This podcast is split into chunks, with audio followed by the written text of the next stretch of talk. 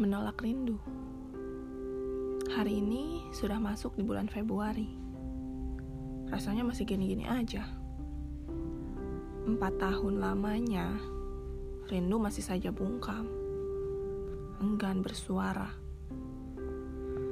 Gerak tangan tak ingin ikuti untuk sekadar bertanya, bagaimana hari ini?